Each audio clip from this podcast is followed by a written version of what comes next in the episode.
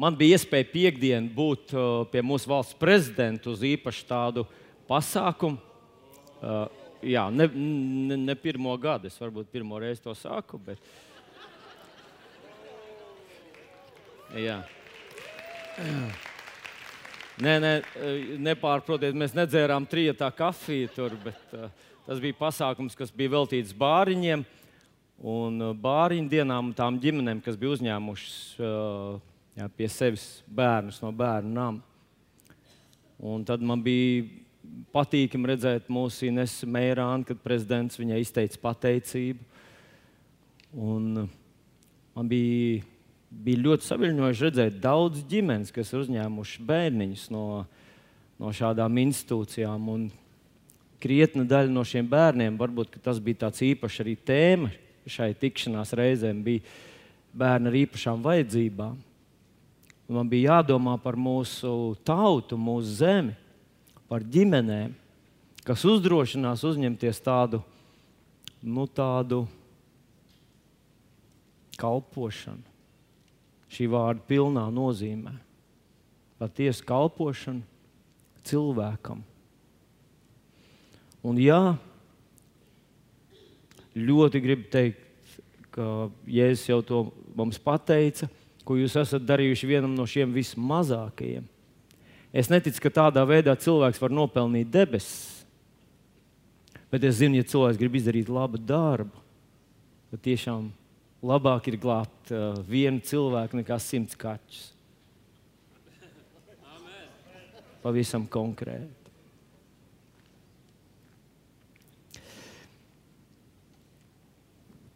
Šodien es ļoti ceru, ka tu varētu izsaukties, vai tava atbilde, kad Dievs tevi uzrunātu kādā reizē. Un pieņemsim, viņš tev teiktu, oh, es esmu sveicināts, tu mans dārgais, varenais, svētītais, svaidītais, izredzētais, īpaši mīlētais, mans dieva dēls vai meita. Es esmu sveicināts. Un es ļoti ceru, ka protams, ka tev būtu tava īpaša atbilde, varbūt kā tu teiktu un ko tu teiktu, bet man ļoti gribētos, uh, ka daļa no tavas atbildes saturētu šo domu, kur kādreiz atbildēja Gideons. Gideons ir, mēs visi zinām šo Bībeles varoni, kas bija vīrs, kurš, kurš uh, uh, atnesa savai tautai milzīgu glābšanu un izlaušanos ar pavisam nelielu saujiņu cilvēku. Tad, kad eņģelis viņu uzrunāja un teica viņam, es esmu sveicināts, tu stiprais un varenais vīrs, viņš atbildēja apmēram tā, vai precīzi tā. Tas uzrakstīts uh, soļu grāmatā, 6. nodaļā. Viņš teica tā, piedod, vai tas kungs ir tiešām ar mums? Viņš teica, jā, Dievs ar tevi, tu stiprais un varenais vīrs. Kāpēc tad mums visas šīs bēdas ir uznākušas, ja Dievs ir ar mums? Un kur ir visi tie brīnum darbi, par kuriem mūsu tēvi ir stāstījuši? Sacīdam, tas kungs bija ar mums, viņš mūs izved no Ēģiptes zemes. Bet tagad, tagad tas kungs mūs ir pametis un nodevis Midiānu rokā. Un tas, ko kādam liekas, ka tā ir tāda neticības atbilde, bet manuprāt, šajā Gideona atbildē bija vērojams un saskatāms kaut kādas svētas ilgas, svētas neapmierinātības pazīmes. Kad viņš saka, nu, mēs dzīvojam kā parasti cilvēki. Nu, ja Dievs, ja tas ir taisnība, ko mēs sakām, ka Dievs ir ar mani, ka Dievs man palīdz, ka es esmu Dieva īpaši svētīts, esmu Dieva bērns. Tad tam kaut kā būtu jāparādās. Un Es dzirdēju par tiem, ar kuriem bija Dievs, tad tur notika kaut kas varens. Mēs dzīvojam pelēku, noplicinātu, sīku dzīvību. Kaut kas nav pareizi. Es ļoti ceru, ka tu arī tu nepieņem vienkārši pelēcību un, un spēka trūkumu, vienkārši to rutīnu kā normu. Ka tev ir šī, te, un esmu pārliecināts, ka tev ir šī svētā neapmierinātība par to Dievs. Dievs, Dievs, tu esi ar maniem! Un tas nu, tam kaut kā ir jāparādās, jāizpaužas manā dzīvē. Psalms 66, 3. ir uzrakstīti tādi interesanti vārdi. Sakiet Dievam, cik bijājami ir lieli tavi darbi. Tava var, tavas varenības dēļ, tavā priekšā noliecas pat tavi ienaidnieki. Cik bijājami un lieli ir tavi darbi. Tavas varenības priekšā noliecas par tavu ienaidnieku. Es zinu, ka Dieva ienaidnieki noliec viņu priekšā. Tas pavisam droši tā ir. Bet darbi, viņa lielie darbi. Nu, paskatieties, ko viņš sacīja 2. mūža grāmatā, 34. nodaļā, 10. pāns. Te vēl aizvien iet runa par viņu darbiem, un Dievs saka tā: Redzi, es esmu tas, kas noslēdz derību un savas tautas priekšā es darīšu brīnumus, kādi nav notikuši nekur visas zemes virsū un nevienā tautā, ka visas tautas, kur vidū jūs atrodaties, redz tā kunga darbus. Jo varen būs tie darbi, kurus es tavā vidū darīšu.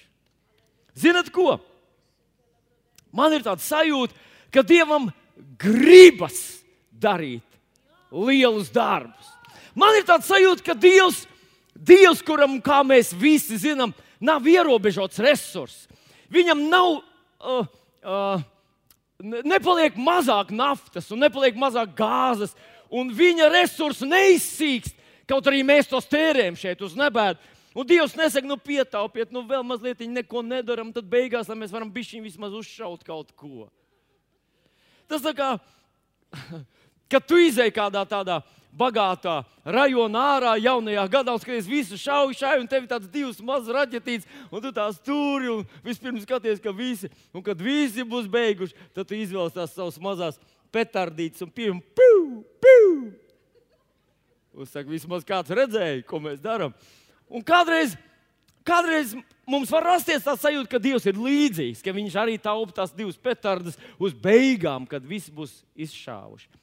Bet Bībelē runā pilnīgi pretēji. Bībelē runā, ka Dievs viņam ir neizmērojams spēks, viņš ir neierobežots. Viņš grib darboties ar maniem un tevi. Tikai tas viss tā noslēpums ir tas, ka Dievs nevar darboties viens. Viņam vajag partneri. Ziniet, starp citu, arī vēlams, arī vēlams neko nevar šajā pasaulē darīt viens. Viņš nevar vienkārši atnākt un kaut ko tur piesist kāju pret zemi. Vēlnam vajag kādu partneri, cilvēku, miesu un, un asins. Un es kādreiz domāju, atcerieties, Jēzus izzina vienreiz ārā viņu no, vien, no viena cilvēka, izzina veselu leģionu dēmonus. Un tie teica, kāds jēga no mums, mēs esam leģions, mēs neko nevaram darīt, iesim vismaz cūkās iekšā. Vismaz kaut kādu iespēju kaut ko ietekmēt šajā pasaulē. Un tajā tavā dzīvē, tajā, tajā pasaulē, kurā dzīvo tu, vienīgais veids, kā Dievs var izpausties, ir viņam vajag tevi. Un tāpēc šodien nosaucu šo, šo divkalpojumu, devu tam nosaukumu neierobežo Dievu neierobežo Dievu. Šo vārdu es atradu psalmos, 78. psalms, 40. 40. līdz 42. pāns. Tātad 78. psalms, 41, 42 ir divi panti, kurus gribu šodien nolasīt un uz kuriem gribu atsaukties. Te iet runa, protams, par to, kad Izraels gāja ārā no Eģiptes zemes, par ko Dievs teica, es darīšu tādus brīnumus un tādus darbus, ka visas pasaules tautas redzēs to. Un ko viņš te saka? Psalmis saka, tā viņi kārdināja Dievu allaž no jauna un sāpināja Izraels svēto. Viņi nepieminēja vairs viņa spēcīgo roku, nec to dienu, kad viņš tos izglāba no apspiedējiem. Tas ir mūsu revidētais teksts. Jaunajā tulkojumā bija rakstīts tā: Viņi dumpojās pret viņu tūkstnesī un sāpināja viņu tukšan, tukšatnē. Tukšatnē, tāds jauns vārds, tukšatnē, jaunajā tulkojumā. Un 41. pāns jau atkal tie pārbaudīja Dievu. Izraels svēto tie apšaubīja. Viņi neatcerējās viņa roku, kas reiz atpirka tos no naidnieka. Ziniet, man ļoti patīk mūsu latviešu teksti, un, un vienā otrā vietā nu, viņi ir pilnīgi greizi. Nu, tāpēc Tāpēc šad, tad ir jāpaskatās arī, kā tas ir uzrakstīts citos tulkojumos. Un viens no man ļoti iecienītiem ir King James. nu, nu, vecais King James. Un tie, kas esat angļu valodas speciālisti, varbūt jums kaut ko traucē tā vecā valoda, bet man, man viņa netraucē. Es to angļu valodu tik labi nezinu, un es ik pa laikam lasu, kā tur ir. Jo atcerieties, bija karalis Jēkabs, kurš sasauca, eh, ja nemaldos, 70 sava laika labākos tulkotājus. Un pavēlēja iztulkot viņam Bībeli um, tādā īsti godīgā, tā kā tas tur tieši ir. Un tā radās mm, King James tulkojums. Paskatieties, kā tur saucās 41. pāns, kā skan tur. Tā tad 40, 41. pāns tur skan tā. Viņi pagrieza dievam muguru un ierobežoja Izraēla svēto. Viņi pagriez dievam muguru un ierobežoja Izraēlas svēto, un tālāk ir apmēram tāpat. Viņi neatcerējās viņa roku. Viņi neatcerējās to roku, kas viņus glāba. Tā kā viņi aizmirst. Nu, tas, ko mēs visi darām, mēs cilvēki aizmirst. Nu, aizmirst vīrs pieceļās sievas dzimšanas dienā no rīta un saka, es aizmirsu. Ja tev būtu 17 sievas, nu vienai to aizmirst, nu tas ir saprotams. Bet, ja tev ir viena vienīga sieva, kur tu solīji, ka mīlēs un gādās un rūpēsies, un manā dzīvē arī, diemžēl, ir bijuši tādi momenti. Un... Sieva saka, nav bijis, nav bijis tā. Ne. Vismaz mutiski, kas esmu atcerējies. Nu, tā tad viņi ierobežoja Dievu. Un es tā pie sevis sāku rēķināt, nu, kur tad viņi ierobežoja Dievu? Pagaidiet, viņš taču viņus izveda ārā no Eģiptes zemes. Atcerieties, tur bija septiņas mocības, un katra no tām mocībām sagrāva Eģiptes uzskats par viņu dieviem. Tas bija vienkārši fenomenāli. Viss Eģiptes impērija tika sagrauta tādā veidā. Līdz faraons teica, ejiet prom, mēs vēl dosim jums visu, ko jūs gribat, ņemat visu, ejiet tikai, ejiet tikai projām. Bet tad es atceros, ka tad, kad Dievs solīja Izraēlu tautai, ka Viņš viņus izvedīs ārā no Eģiptes zemes, Viņš teica, Viņš viņus izvedīs un aizvedīs viņus uz apsolīto zemi. Un tā būs zeme, kurā piens un medus tek. Viņš centās viņos pamodināt ticību tajā savā tautā. Un Mozus kurš nebija veikls runātājs, viņš lūdza, lai Ārons uzrunā, un Ārons runāja un stāstīja, rādīja ar rokām, kā tur būs, un kā tur vienot ķekaru, un kā mēs tur dzīvosim. Mēs vairs nebūsim vergi. Katram būs savs zemes pleķis, katram būs savs mantojums, savu zemi. Jūs paši būsiet savas dzīves saimnieki. Viņš stāstīja un stāstīja un stāstīja. Beigās viņi iedrošinājās uzticēties viņam. Un tad beig, beigās Dievs viņus izved ārā no pusotra līdz trīs miljoniem cilvēku. Izgāja ārā. Vienā naktī tā bija vesela mm, loģistikas operācija. Kā tad viņi ierobežoja Dievu? Ziniet, ko es lasu 4. mūža grāmatā, 14. nodaļā, 27. līdz 29. pāns, kur Dievs saka šādus vārdus: Cik ilgi man būs ar šo ļauno draugu ciesties, kas kurn pret mani? Es esmu dzirdējis Izraēlu bērnu kurnēšanu, ar ko tie ir izteikuši savu nemieru pret mani. Saki tiem, tik tiešām, kā es dzīvoju, saka tas kungs, es jums darīšu kā? Kā es jums darīšu? Kā jūs man ausīs esat runājuši, šī tūkstnesī kritīs jūsu augumi no visiem jūsu skaitītajiem. Tas ir tiem, kas ir 20 gadu veci un vecāki. Dievs saka, ka jūs kurnat, nemitīgi kurnat par mani. Un viņš saka, es darīšu jums tieši tā, kā jūs esat runājuši manās ausīs. Acīm redzot, tā bija tāda izplatīta saruna. Viņi runāja savā starpā. Jā, ne, nu, ko, ko, ko tad mm, mēs esam tūkstoši, jo kā mēs varam izdzīvot? Mēs esam pieraduši pie, pie civilizācijas. Mēs taču Eģiptē dzīvojam pareizi. Mēs Eģiptē dzīvojām, un kā mēs, tā, mēs tur tūkstoši, un mēs, Oli, es nezinu, mēs ar tevi vēl varbūt pastiepsim, bet Elizabete taču nomirs. Jā. Viņa, ne, viņa nevarēs, viņa nespēs. Elizabete, nu, pa, ne, ne, Elizabete, Oli, e, Oli, nu, līga, piedod, tas nebija ne pravietis, nebija vienkārši muļķīgi. Jā. Paklausieties! Tas bija kaut kas, ko viņi runāja savā starpā. Viņi sanāca vakarā, padzēra tēju un tad sāk runāt. Nu, tūkstnesī, vai tu zini kādu tautu, kas dzīvo tūkstnesī? Nē, es nezinu, nevienu.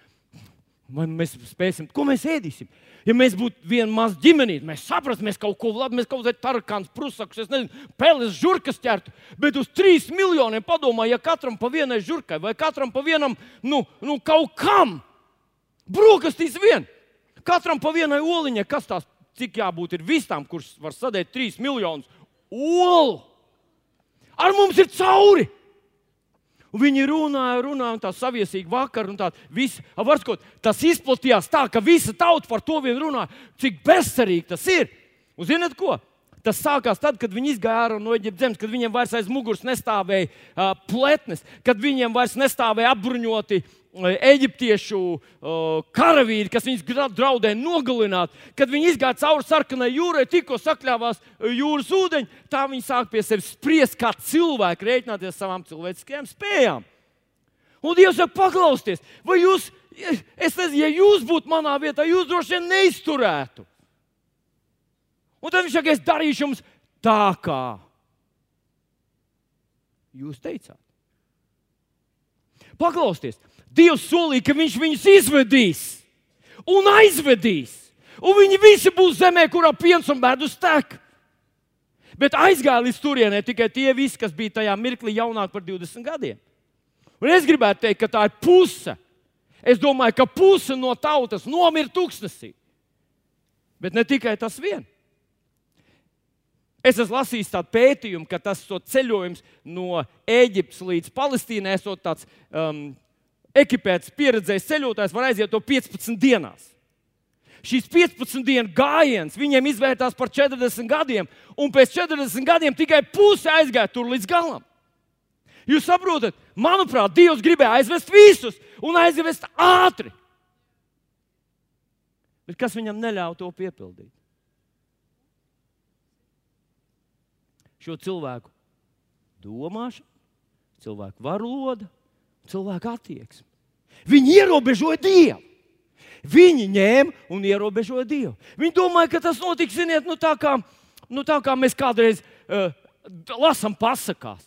Mēs lasām pasakās, ka tur kāds parīvēja lampu un iznāca džins un prasīja, ko tu gribi. Es gribu to un to, vai piegāja pie kalna, pateica, sezam, atveries, atvērās sezams. Tur viss ir bagātības kalnu kalniem. Viņš pagāja piebāzt pilnus kabats un dzīvoja laimīgi līdz mūža galam un tā tālāk. Nu, kādreiz mums ir tā sajūta tāda, ka tā ir jābūt ar Dievu.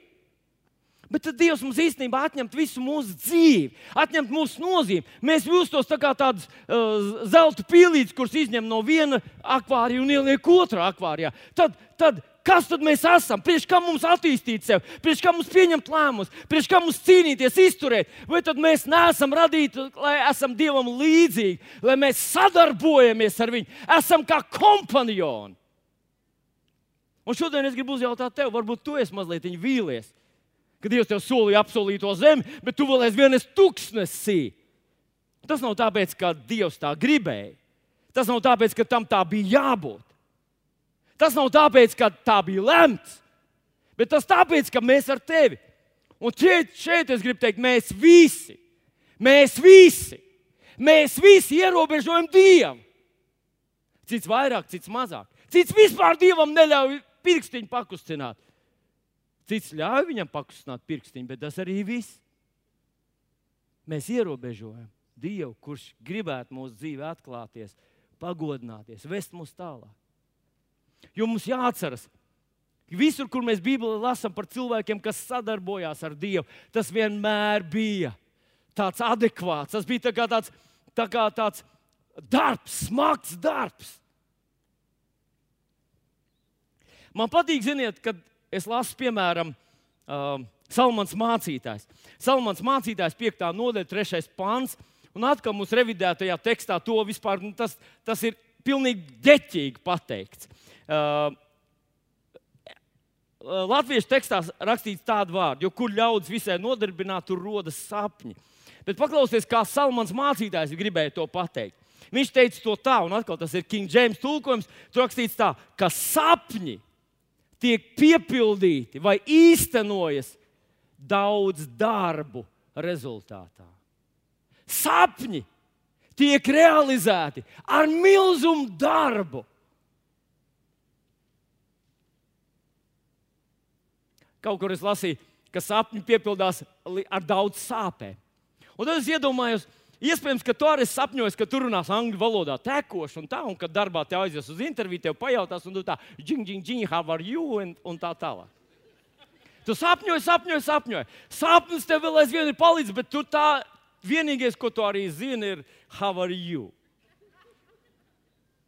Es atceros, man viens uzrunāja, viens brālis. Um, how do you do? Un es atceros, malēkum, salam, salam, malēkum, es teicu, do, do, how? Nu, gribēju būt anglis. Man bija sapnis runāt angliski, un, ziniet, man nekas no tā nesanāca, jo sapnis piepildās ar lielu darbu.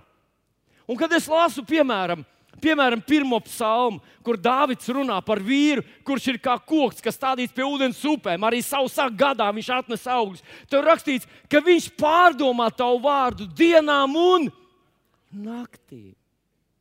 Pasakiet, ka tas ir viegli.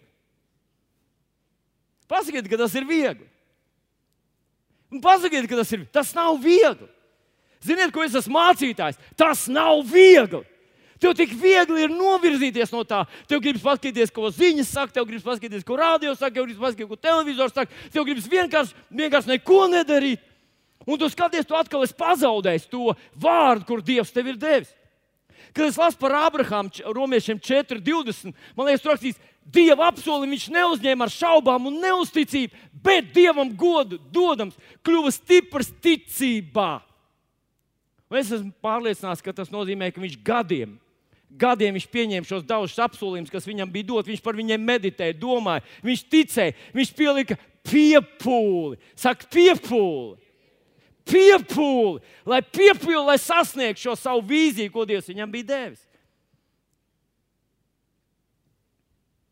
Jo jums vajag pacietības, lai Dievu prātu darījuši, iemantotu apsolījums. Jo jums vajag pacietības. Un pacietība nav kā Mr. Beans tur vienā filmiņā gaidīt tur puisis uz, uz, uz motoroleru. Uh, Gulšā šitā tā un tā tālāk, tas tikai lēnītiem tuvojas. Pacietība ir kaut kas cits. Pacietība ir ticība ilgtermiņā. Pacietība ir strādāt slāpju muguru ilgi, ticēt ilgi. Nocēl Dievs šķirs cik gadus? 120 gadus. No, Ābrahams ticēja par dēlu 20 gadus. Mīļie draugi! Es nesen pārskatīju uh, no saviem blokiem, kur mēs tā ārā un kur atstāt. Un vienā es las, skatos, ka es esmu iesācis rakstīt dienas grāmatu. Un tad vienā dienā es rakstu tā. Ticība, man jālieto savu ticību. Ticība ir tā, kas atraisa Dieva spēku. Man jārunā ticības vārdu.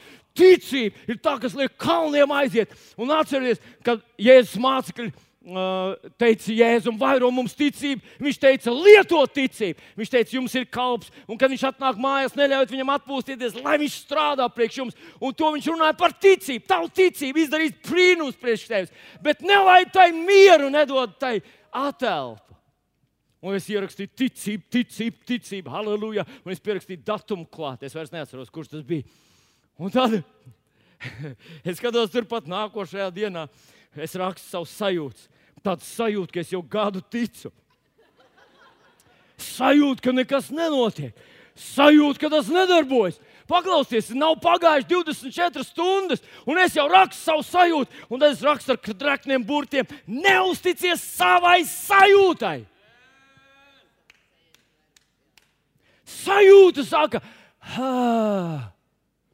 bet tu taču zini, ka no sēdēšanas uz dīvāna nekas labs nenotiek. Nekas labs nenotiek no tā, ka tu vienkārši atslābsti, vienkārši nogursti, vienkārši padodies, vienkārši dzīvo kā parasts cilvēks. Nekas labs nenotiek. Es gribu tev pajautāt, vai tu lieto savu ticību? Vai tu lieto to savu dievu doto dārgo ticību. Kā, kā tad man būtu viņa jālieto? Pirmā lieta, kā, kas tev būtu jāizmaina savā dzīvē, tev jābūt slāpstošam, tev būtu jābūt atsaucīgam. Vai jūs neesat ievērojuši, Jānis 7,37. Ja es teicu, ja kam slāpst, tas lai nāk pie manis. Un kādreiz, kad mums, kad mums spiež dirnakmens karājas virs mūsu galvas, tad mēs esam tādi, mēs saprotam, ka mēs paši ar to galā netiksim. Tad mēs nākam, ticam un ceram un paļaujamies un sludinam. Un zini ko? Un Dievs mūs izglāba. Uh, uh, jā, halleluja! Bet tad kā nolaižās mūsu rokas. Un, zinot, kad mūsu rokas nolaižās, mūsu dzīves iet uz leju. Tas gluži kā Izraēlam, Dievs izved visus, bet tad pusi nomira tuksnesī. Kad mēs sākam vienkārši dzīvot kā parasti cilvēki, rēķinamies savām cilvēciskajām spējām, cilvēciskajām gudrībām un zināšanām. Mēs dzīvojam pēc miesas, un Pāvils saka, ja jūs pēc miesas dzīvojat, tad jūs mirsiet. Ja tu šodien nelieto savu ticību, tu varbūt to nejūti. Tev liekas, ka stāv uz vietas. Nē. Mēs vai nu pieaugam, vai dilstam. Un es šodien gribu tevi iedrošināt, pieaugt. Pieaugt. Es esmu slāpstošs. Nu, paklausies, kad mēs lasām par mūzu, piemēram, kad Dievs viņu uzrunāja no, no, no, no tāda ērkšķa krūma, degošā ērkšķa čūma, atcerieties. Tad tur ir interesanti lieta uzrakstīt, un, un to varbūt to uzreiz nevar piefiksēt, ka mūzis redzēja to krūmu, kā tas dega, un viņš redzēja, ka tas nesadeg. Acīm redzot, gadījās, ka dega krūmi. Nu, es redzu, ka kaut kur Austrālijā, kur karstajā zemē, kur sākās tie mežonīgie meža ugunsgrēki, viņi deg un deg un deg. Nu, ir iespēja, ka tas notiek, acīm redzot. Bet mūsu nevis vienkārši no tālāk, ah, tur deg krūms, jau nesadeg. Jā, nekas iešu savām maitiņām uz, uz mājām. Man gaida uh, sieviņa vakariņās, jā, un tur panorāma būs tūlīt. Un, un, un, un, un vispār es esmu pieredzējis laicīgi būt mājās. Es esmu tāds kārtības cilvēks. Bet viņš apstājās. Tur rakstīts, ka viņš apstājās. Un viņš teica, es iešu un paskatīšos, kas tur ir ar to krūmu. Zinat, ko? Viņš meklē, viņš meklē Dievu, viņš meklē to, to pārdabīgo, viņš meklē dievišķo. Un tikai tāpēc Dievs viņu uzrunāja no tā krūma. Ja viņš būtu vienkārši kā parasts cilvēks, gājis savās, savās ikdienas gaitās, mēs tā gribam, lai viņš pēkšņi sēž pie mūsu trolēļus stūres un, un, un saka, hei, tu gribēji iet garām? Nē, nekur, es tevi apstādinu. Visur, kur mēs lasām par Jēzu, piemēram, piemēram kad viņš gāja pie tiem emaus, ar emaus mācekļiem, atminaties? Ar mācekļiem viņš viņiem ceļā visu skaidroja un tā tālāk. Un tad rakstīts, viņš izlikās, ka viņš ies garām. Un viņi viņu gaužu lūdzu.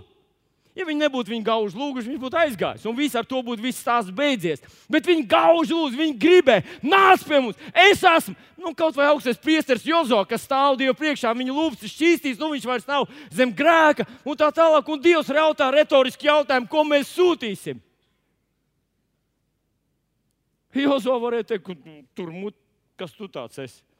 Un Jozo saka, es, es, su, hei! Ei, Dievs, Dievs, re, kur es esmu?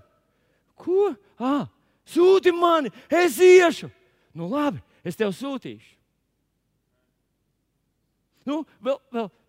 Tā, tā situācija, kur jēzus iet pa ūdens virsmu un mācekļi ir laivā, miglā, viņi iedomājas, ka tas ir spoks. Tur atkal ir situācija, ka viņš izliekas, ka ies viņiem garām.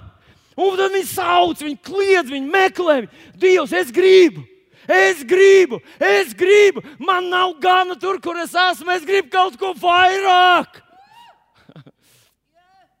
Jūs zināt, es dzirdēju vienu uzņēmēju, vienu pieredzējušu uzņēmēju, kurš saka tā, stāstīja tā, kāds stāst. Viņš teica, ziniet, kaut kad savā jaunībā es arī lūdzos cilvēkiem, lai viņi palīdz. Paliek strādāt. Nu, ko tev vajag? Olit, ko tev vajag? Lai... Olit, ne. Nu, ko tev vajag? Nu, paliec, lūdzu, nu, pa... ko tev auglē, uzcelšu tev auglē. Ko tev vajag? Va... Virsstundas nebūs. Nebūs virsstundas. Viss, viss, viss. Kas tev nepatīk? Labi, aizsēdināšu viņu projām uz turieni. Nu, strādā tikai. Viņš teica, man liekas, ka esmu atrisinājis problēmu. Vēlāk es konstatēju, ka tā problēma neatrisinās. Visu laiku kaut kas tur, visu laiku kaut kas nepatīk, kaut kas traucē, kaut kas sāpē. Viņš teica, tagad es sapratu, tu negribi. Tie nav vēlēšanās. Nā, nā, tā, ah, nu, labi. Nu, nu, nē, tas bija žests. Uh, ej uz, uz to labo darbu, kur tu vēlēsies. Es gribu, lai pie manis strādā cilvēki, kas grib, kas novērtē, kas ciena to, ko viņi te dara. Un es domāju, ak, Dievs, kā mēs iedomājamies, ka Dievs nodarbinās mūsu ko? Jā, kad? Gavēt! Ak, Dievs! Es domāju, tu piedāvās pusdienas pa brīvu. Es, es domāju, ka desmit. Ko? Man jāiet uz draugu. Hmm? Vai tu negribi? Tas būtu pirmais, kas tev būtu jāizmaina sevī. Ka tu esi, tu esi tā tāds. Jā, jā, es esmu tas. Kungs, pārmaiņas, halleluja! Kungs, ko? Ko vēl? Jā, halleluja! Es esmu gatavs riskēt! Jo iet ar Dievu, tas nozīmē riskēt. Pareizi. Pareizi. Vai jūs saprotat, ka, ka, ka bruņurupucis nekur netiek, pirms viņš neizbāž galvu ārā no savu, savu tā drošā mitekļa? Viņš riskē katru reizi, kad viņš grib kaut kur aiziet. Un zinat ko? Es atceros, kad mēs iesākām vispār šo draugu namu celtniecību. Zinat, tas bija vienkārši, vienkārši, vienkārši nepamatots risks. Mēs piedalījāmies izsolē par šī nama tikai pagraba pamatiem, kurš bija pilns ar ūdeni. Tas maksāja 120 tūkstoši lati. Mums bija visas, mēs bijām sakasījuši visas draudzes ietaupījumus, vēl bijām ticībā ziedojuši. Mums bija 6000. Un noteikumos bija rakstīts, ka mums jāiemaksā 6000, lai piedalītos izsolē, un pēc tam desmit, laika, desmit dienu laikā jāsamaksā visu atlikušo summu. Vai arī mēs zaudējam to iemaksu? Un es aizgāju, Jēzus vārdā, iemaksājumu 6000, atrodos, sēdēju vienīgais izsolē. Vienīgais sēdēja izsolē ar tādu pašapziņu, Dievs mums palīdz, un tā tālāk. Un es domāju, ka nu, tagad, nu, VF prezidents kaut kā izkārtos. Viņš man saka, ko? Es saku, mēs, nu, tas bija viss, kas mums bija. Pirmā ir tā piedalīšanās nauda. Viņš saka, nu, nu tad jums jānāk uz valdi, uz VF valdi un jāpārliecina viņi. Un, ziniet, un man mirkli iezagās prātā doma, ka es varu pazaudēt šos draudus ietaupījumus 6000 latu. Šodien varbūt tas neskat, neizklausās liela nauda, bet tas bija risks uz visu banku. Un tu esi teicis, nē, Vilni, tu nevari pazaudēt. Tu aizies tur uz turieni un pārliecinās to valdi. Un es iegāju tur, tur sēdēja kaut kādi 30, 40 cilvēki. Es domāju, tur būs trīs pusmūža tantes, kurām es tur stāstīšu par Jēzu un debesīm un pēcnāvus dzīvi. Tur bija kādi 30, 40 cilvēki. Puse no viņiem jauni cilvēki. Viņos neredzēja ne mazākās kaut kādas vaipsus, ka viņi man saprot, vai iežēlojas, vai ka viņi gribētu mums palīdzēt, nekā tam līdzīga. Man atļāva parunāt un izsūtīja ārā. Tas bija risks. Zinat, īstenībā mēs šeit esam tā pieraduši, mēs sakām, jo mazāk riskēt, vai dieniņ, dieniņ, kaut ko riskēt, ārprāts. Mēs, zinat, arī ar Dievu ir risks. Mūzika gāja pie faraona, viņi to varēja uzreiz nokilarot. Elīja gāja pie Āhaba, pateikt, ka nebūs lietas vairs. Viņi, varēja, viņi vienmēr riskēja. Un, ja mēs baidamies zaudējumu, ja mēs baidāmies no tā, ka neizdošanās, ja tas ir tas, kas mūs motivē, kas mūs motivē mūsu bērnus turēt pie mums, ja nu viņam neizdodas, ja nu viņam nesanāk. Un tieši tāpat runāja visa tā Izraels tauta. Viņa teica, ak, Dievs, mūsu bērni aizies bojā, un notika tieši pretējais. Jūs, gudrie, vēderi aizgājāt bojā, un jūs bērni tika galā. Viņi teica, viņi ne, nespēs uzcelt valsti, viņi nav redzējuši civilizāciju. Atcerieties, viņi taču uzauga tūkstnesī tur. Viss. Mēs esam redzējuši civilizāciju, mēs bijām Eģiptē, bet viņi uzcēla valsti un viņi sakārtoja savu zemi. Viņi izdarīja to, ko vecāki domāja, bērni nespēja. Ļauj man pateikt, tev šodien, tev bērns zina vairāk kā tu, spēj vairāk kā tu, aizies tālāk kā tu. Na, tiec vaļā no tām bailēm, no neizdošanās. Risks, visa dzīve ir risks. Bet, bet, ja tu kā Dieva bērns zini, ka tas, kurš debesīs valda, tevi mīl, un te ir tas nākamais punkts, ko es gribu šodien, šodien pateikt, ka ja tu neaizmirsti, ko viņš priekš tevis ir darījis, ja tu neaizmirsti, ja tu neaizmirsti, Un kā tu vari neaizmirst? Visu, ko mēs esam mācījušies, visu kaut kādu zejolīšu. Es, es vēl pirms pāris gadiem atcerējos kaut kādu zejolīti par tālu uz taurētāju. tur kaut kur silā, kaut kur augšā, viņš tur kaut ko pūt. Bet, ziniet, kamēr es to vingrināju, es to atcerējos. Un tad, kad es to nevingrināju, es to aizmirsu. Esmu sastapis cilvēks, kas ir aizmirsuši par darbiem, Dieva darbiem viņa dzīvē. Viņi zina tikai savu problēmu. Šobrīd man tas un šis un, tā, un tas un nauda un cenas un, un, pašvaldības un politika un viss ir. Bet ja tu neaizmirsti, ko Dievs tev ir labi darījis, tas paceļ tevi. Tu fokusējies pilnīgi citu fokusu. Tu visu laiku skaties uz to, ko Dievs darīs. Tu skaties uz viņa vareno roku.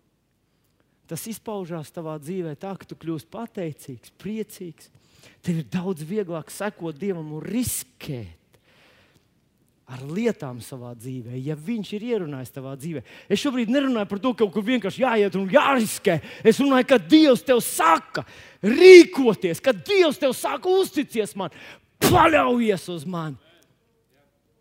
Tad, ja esmu pasīvs, es ierobežoju Dievu. Ja es rēķinu vienkārši savus cilvēciskos resursus un to, ko man saka un stāsta cilvēki, es ierobežoju Dievu.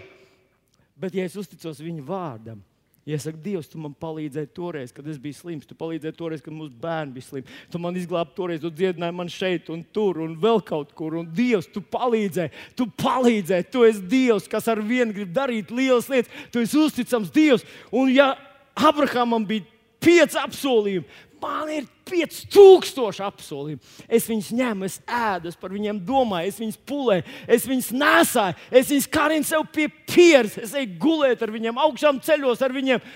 Un ziniet, kas ar maniem notiek? Pāvils raksta vēstulē romiešiem 12. nodaļā, 2. pantā. Netopies šai pasaulē līdzīgi, bet pārvērtieties, atjaunodamies savā prātā lai spētu saprast to, kas ir Dieva griba, to, kas ir labs, tīkams un pilnīgs.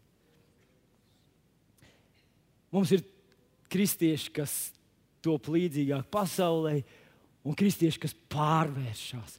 Un es ļoti gribu, lai tu esi tas, kurš pārvēršas. Iebikstam, kurš sēž tev blakus, pasakot, pārvēršas. Halleluja! Pārvērties, draugs! Tev ir visas iespējas to darīt. Tev ir visas iespējas sākt lietot savu vareno ticību, lietot savu ticību. Pasauc viņu! Nu, viņi nav nekur jāsauc, viņi vienkārši jāsāk lietot. Viņi ir vareni, viņi dara brīnumus, viņi gāž kalnus jūrā, viņi atraisa Dieva spēku, viņi dara tās lietas, kuras tu tā ilgojies savā sirdī, kur Dievs ir tev dāvinājis. Runā viņas, pasludini, ka tu naktī pamosties, pasludini ticības vārdus, ka tu no rīta celies, pasludini šai dienai ticības vārdus, ka tu vakarā ej gulēt, pasludini ticības vārdus. Ja ienaidnieks tev stāv ceļā un saka, tev neizdosies, tu esi zaudējis, tu nomirsti tūkstnesī, pasaki viņam, ka tu esi no jaunās paudzes, tu esi jaunāks par 20 gadiem, un tu nekad sev neteiksi, ka tu nomirsti tūkstnesī.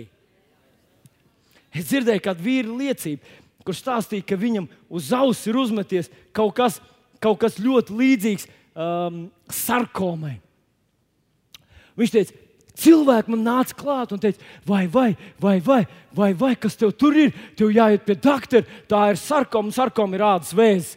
Un, un, Un viņš teica, es redzēju cilvēkus, par kuriem es lūdzu, kuriem bija līdzīgas situācijas. Viņi gāja pie doktora, un viņiem nogrieza ausi un izglāba cilvēku. Un iespējams, ka tā ir medicīniska metode. Viņš teica, bet es izvēlējos, ka es uzticēšos Dievam. Viņš teica, piecus gadus es runāju, ka esmu dziedināts. Es runāju, ka Dievs ir mans glābējs, mans uzticamais palīgs. Es uzticējos viņam, es riskēju.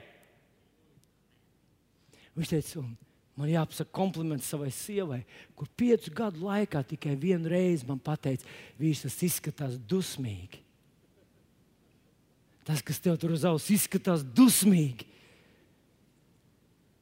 Viņš teica, viņa nereiz man nenolādēja. Un viņš teica, pēc pieciem gadiem man pēkšņi sadzīja tā vieta, un parā viņš rāda ausis. Viņš saka, nē, skatieties, cilvēki teica, ka tā ir sarkoma, tur nav nekā. Viņš teica, es īstenībā arī pats nereiz to nebiju redzējis. Jūs redzējāt to. Bet es teicu, Dievs, es uzticēšos tev. Redz, ja tu atceries, ko Dievs tavā dzīvē ir darījis, ja tu atceries, tu tur to sev acu priekšā, tavs sirds atverās pateicībā, mīlestībā. Tu mīli cilvēkus, jo tu esi saņēmis mīlestību. Tu mīli to kungu, atcerieties, Jānis 13, 35. No tam visi pazīs, ka jūs esat mani mācekļi, ka mums būs mīlestība savā starpā. Kad tu saproti, ka Dievs tik ļoti tevi mīlēs, tik ļoti tevi mīlēja, tevi mīlēja, ka Viņš sūtīja savu dēlu tur pie krusta, lai piedotu tavus grēkus, lai tevi izglābtu, lai tevi padarītu par savu bērnu. Dievs tik ļoti tevi mīlēja. Mīlēja. Viņš vēl aizvien mīl, ka tu par to domā. Šī pilnīgā mīlestība izdzen bailes. Tad tev nav vairs bailes. Un tu neesi, protams, nodrošināts pret kļūdām. Bet zini ko?